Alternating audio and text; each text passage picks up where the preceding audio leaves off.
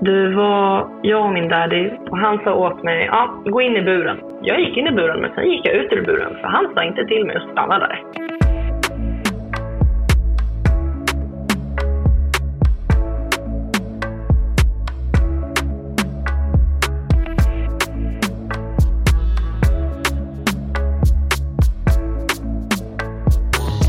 Hej och välkomna till Sex som trans. Jag heter Mandy Rich och i dagens avsnitt så ska vi prata om PET eller Kitty Play. Eh, något som jag är helt obekant med men ändå liksom sett på håll. Och jag har som sagt en gäst med mig, Lo. Välkommen! Tack! Och vem är då Lo? Det, det är en så bred fråga. Ja, jag Eh, förstår det. Vem är Lo? Ja du, eh, jag är väl en eh, sprudlande energiknippe från Gotland som eh, har ganska många järn i elden just nu. Ja, Eh, du bor på ön alltså. Jaha, jag bor på ön. Eh, nej, men annars så, Darkside har jag, jag har hört att du pratat om det förut. Mm, Eh, precis. jag heter Kitty av eh, förklarliga skäl. Och hur, Ja. hur blev liksom du en del av BDSM-scenen eller liksom, hur kom du in på Darkside och liksom, var, vart började allt för dig? Min intro i BDSM-världen är ganska mörkt egentligen. Men för mig började det faktiskt med övergrepp. Och jag tror, för mig så är nog mycket BDSM ett sätt mm, av självterapi. Okej. Men är det Men på något det- sätt som att du liksom försöker ta tillbaka makten? Eller liksom, precis. ja. jag skulle vilja säga att det är liksom, jag, jag håller ju bland annat på med alltså, non-consensual, consensual. Mm. ja, det är de här lite Eh, grövre lekarna som jag förstått det. Precis. Ja. Eh, även kallat rape play då. Eh, och det är mycket för att ja, men, jag vill ta tillbaka, jag går igenom liknande situationer men jag har kontrollen basically. För att jag kan när som helst säga nej. Men hur fungerar det då för dig rent kroppsligt och emotionellt? Alltså, går det liksom samman eller liksom? Alltså det är jätteförvirrande Ja. eh, i rent sånt tänk. Eh, Mm. jag vet inte riktigt själv. Det enda jag vet är att liksom, men jag har gått igenom det här traumat och det här traumat har gjort mig lite konstig i huvudet förmodligen. Nej, men jag, jag jag tror att det är förmodligen ett sätt som att liksom, för kroppen att kunna hantera hela situationen och Ja. huvudet självklart. Och det som Eh. vi lyft tidigare här i tidigare avsnitt, att just samtycket är ju liksom A och O, alltså i alla de här, även i de just grövre lekarna. Och det som Det är också, jätte, jätteviktigt. Det är ju det. Och sen också, ju mer jag sätter mig in i hela den här BDSM-kulturen, så förstår jag också att det ofta bygger på just tidigare trauman. Inte alltid, men Mm. en del av kinksen är det. Att man liksom försöker någonstans hitta någon form av kontroll eller makt själv. Alltså vad jag, jag känner ganska många inom BDSM-scenen då, Mm. för att jag själv är där. Eh, och många som är med i BDSM-scenen, speciellt vad jag har, har märkt av i alla fall av undergivna individer, har någon form av trauma.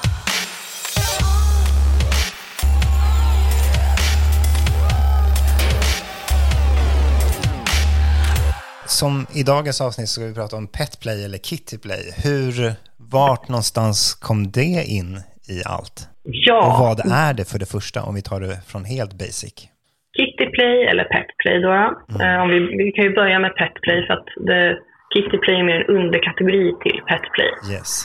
Då är då petplay i princip att du går in i rollen som ett djur. Det finns olika grader kan man säga, för att alla gör det på lite olika sätt. Mhm. Det finns de som går jättefullt in i det, alltså liksom tjejer som, eller killar som gör exempelvis kitten play som kissar på låda och allt sånt där liksom. Okej, ja. Eh, Det finns de som bara gör det sexuellt, alltså inte prata, lite kattigt beteende kanske Mm, och liknande. Om ens intention är åh, djur är så jävla heta, mm.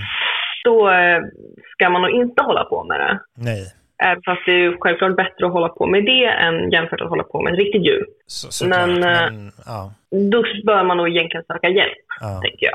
Alltså annars tycker jag, gör man det för så kallade rätt anledningar, alltså mycket med dominansen, att man kanske tycker att men, jag känner igen mig i det här och liknande, Mm. att man trivs i det, då tycker inte jag att det finns några liksom, moraliska så Nej. fel. Det är helt enkelt att man tar delar från det, då, djuret man väljer. Ibland så väljer man inte ens ett djur, ibland är man bara djur. Mm. Om du förstår mig. Kan det både vara ett rollspel men också att man nästan identifierar sig lite som det djuret? Eller liksom hur, hur ser det ut? Alltså, ja, det kan nog vara båda. Uh, för mig var det mycket, jag, uh, jag var ganska mobbad som barn. Och i det sammanhanget så identifierade jag mig mer med djur och specifikt katter. Uh, och då tror jag att det blev liksom, ja, men det kallas ju, det finns uh, other kin finns det. Det är folk som identifierar sig som djur. Ja. Eh, och så långt skulle jag väl inte vilja gå, men alltså lite så här med att jag identifierade mig med vissa aspekter utav ja, djuret. Jag förstår. Och det var väl så som jag fick välja mitt djur också, om mm. man säger så. Eh, och då bestämde mig för att liksom, ja men, jag tycker om tanken på att inte ha kontrollen helt och, in, och liksom hela den faktumet. Så det, är också, det handlar också om maktförskjutning? Alltså så det är sätt. jättemycket maktförskjutning. Ja. Eh, I alla fall i mitt fall. Och sen mm. så alla har ju olika. Ett djur är liksom, det ägs av någon. Mm, just det. Ett djur kan inte prata mm. i de flesta fall. Eh. Nej, precis. Och det hade jag också en ytterligare fråga. Men hur kommunicerar man då? Alltså som katt i det här fallet då? Det beror ju jättemycket på också vilken grad man kör. Uh. Vissa pratar helt enkelt och vissa kör, jag kan fluxera eller vad man ska säga. Att jag liksom har bara ja, men, om man känner till anime-världen så finns det någonting som kallas neko. Ja, men, en catgirl om man säger ja, så. Okay, eh, ja. Det här klassiska japanska anime-tjejen med kattöron och svans liksom. Mm. Jag skulle säga att för de flesta är petplay en väldigt stor maktförskjutningsgrej just på grund av det här ägandeskapet. Att man ses som lägre i samhället exempelvis. För att i det samhället som vi har så ser vi inte djuren som likställda med människor. Och då blir det ju också, om man då ska vara en katt till exempel, så mm. blir man ju också lägre i hierarkin. Ja, lite som att vara kvinna generellt sett i vissa sammanhang. Ja. Ja. Mm. ja, gud vad intressant. Alltså jag förstår ju det här primitiva just med att alltså egentligen ha vilt sex, men sen att göra mm. det i rollkaraktär som djur är ytterligare en faktor.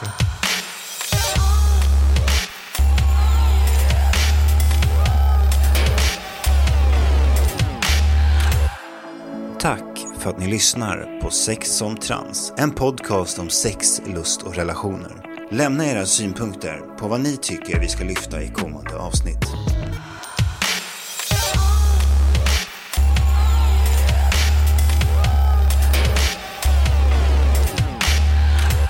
Men är det då också någonting sexuellt kring det eller är det bara en roll Alltså för mig, det är inte så att jag tänder på djur. Eh, utan för mig är det nog maktförskjutningen som mm. blir den naturliga maktförskjutningen, eller vad man ska säga. Mm. Vilka accessoarer använder du dig av då?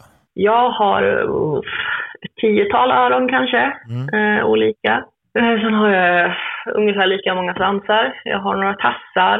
Mm. Eh, jag har ett en bengag kan man säga. Det är ganska coolt. Ja, verkligen. Men just om vi hoppar tillbaka just till det här sexuella kring det. Mm. Har du sex på samma sätt? Alltså i ditt vanliga jag kontra liksom i karaktär då? Eller liksom som... Det blir ju mer, hur ska man säga, alltså det blir mer eh, dominansutbyte. Men det är ju samma hål så att säga. Eh, ja, men precis. Visst, jag kan tycka att det är jätteroligt att köra Doggy när, när man kör petplay som att det känns mer autentiskt. Ja. Vad är det mest utmanande? Alltså just med att utforska Kittyplay eller liksom petplay? Dels så är det väl det faktum att det finns ganska många fördomar. Mm. Det finns folk som kallar den för furry och det finns folk som kallar den för ja, men, sofil. Och det, ja. Mm. Vill du ha grejer till det så är det oftast dyrt. Men det är det väl inom det mesta inom BDSM. Ja, jag har uh, insett det. att saker kostar mycket. Ja, saker kostar mycket om du inte vill ha en Kina-kopia. Ja, liksom. jo, precis. Men det ska ju hålla också, det är det. Precis. Men hur tycker du då, alltså så här, normer om kön och sexualitet, alltså kring just kittyplay? Ja, alltså jag tycker väl att alla kan vara en, just kittyplay, alla kan vara en kitty. Det är mm. liksom, Det spelar ingen roll. Det spelar ingen roll vad du identifierar dig som liksom, eller vad du har mellan benen. Men har du liksom upplevt att det här Kittyplayet har bidragit till någonting, alltså din egna personliga utveckling och liksom självkännedom och så sätt också, eller är det? Ja, men definitivt. Ja. Dels så har det lärt mig själv att känna liksom, okej, det här är den jag är. Jag uppskattar det här. Mm. För att i början var det ju väldigt liksom att jag kände mig, ja men det här känns inte helt... det är som att man lyssnade ju på alla andra. Och sen har man liksom insett att, nej men det behöver inte vara så. Jag kan vara jag, jag kan tycka om det här. Det behöver inte betyda så mycket mer. Men, men speglar alltså din inre katt eller din Kitty-rollfigur även i ditt vardagliga, alltså Jag skulle säga att självklart speglar det mig i vardagen. Ja. Eh, eftersom att jag, jag tycker om att vara lite kattlik. Det är liksom, ibland så har jag öron och svans. Det har väl väldigt mycket med min stil att göra också. Mm. Den här lite e-girliga, ja kawaii-stilen så att säga. Jag är jag helt enkelt. Ja, så intressant. Men har du några så här berättelser eller situationer som katt som du skulle vilja så här, dela med dig utav? Alltså så att man kan liksom... Ja, jag har en som jag Mm. tycker är väldigt underbar.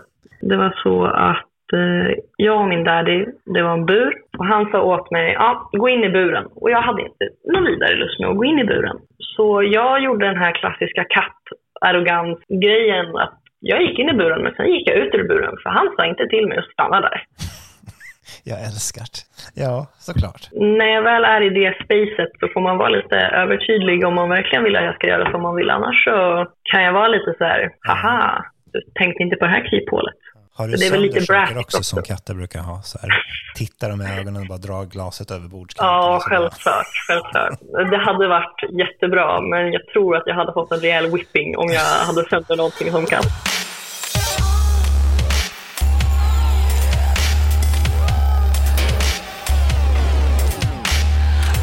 Men så underbart att då måste man vara extra tydlig med dig vad som gäller. Och men precis. Och det, jag tycker det är kul. Ja, det är Eh, kul. Det blir hjärngympa liksom. Ja, verkligen.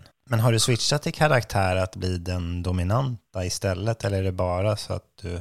Jag är superundergiven. Ja. Eh, Jag har faktiskt testat en gång.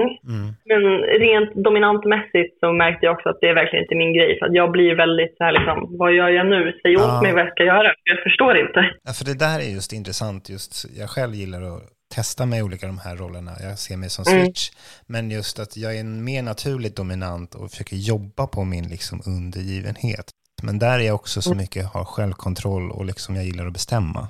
Det största med undergivenheten som jag tänker är att du måste hitta någon som du litar till 125 procent på. Liksom. Alltså, Mm. Du måste verkligen lita på människan. Ja, Safe word finns fortfarande, jätteviktigt att säga. ja, Och att vara submissiv innebär ju inte alltid smärta, bland annat om man inte gillar det. Utan det innebär ju bara liksom dominansaspekt kanske.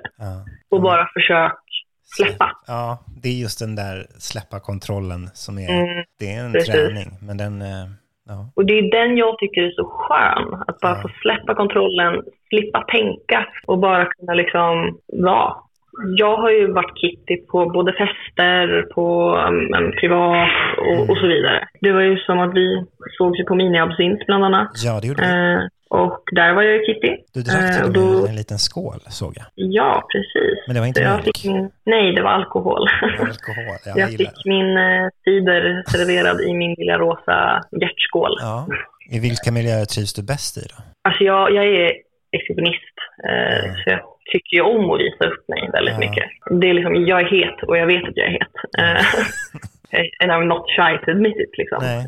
Jag tycker väl att både public, eller så public som nu en klubb är, Mm. och liksom privat, båda har sin charm. Om man då är nyfiken på att testa på petplay, kanske hitta sitt djur eller sin inre katt, vad har du för tips? Eller liksom hur, hur ska man gå tillväga för att utforska?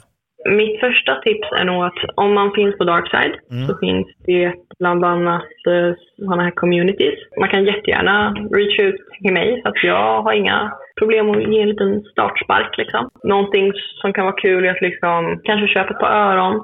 När man väl känner efter med liksom, öronen så kan man ofta känna att ja, men det här känns rätt. Du, några sociala medier? Ifall mina lyssnare skulle vara intresserade och kanske börja med... Det har jag. Det har du. Vart finns du och Eh. vad heter du? Jag tänker att det lättaste just med Kitty Play-delen är väl Darkside då. Mm. Där heter jag då Kitty. Mm. Eh, annars så finns jag på Instagram som lynxlovis. Och är det så att ni lyssnare har andra frågor eller just kinky fetischer, alltså tankar, känslor eller vill veta mer så skriv till sexomtrans.gmail.com. Men Lo, alltså det var så kul och intressant att få prata med dig. Ja, tack detsamma. Vi hann ju inte snacka så mycket på miniabsinten där sist. Nej. Men, men det kommer säkert fler. Det tror jag. Och så hörs vi i nästa avsnitt. Puss och kram!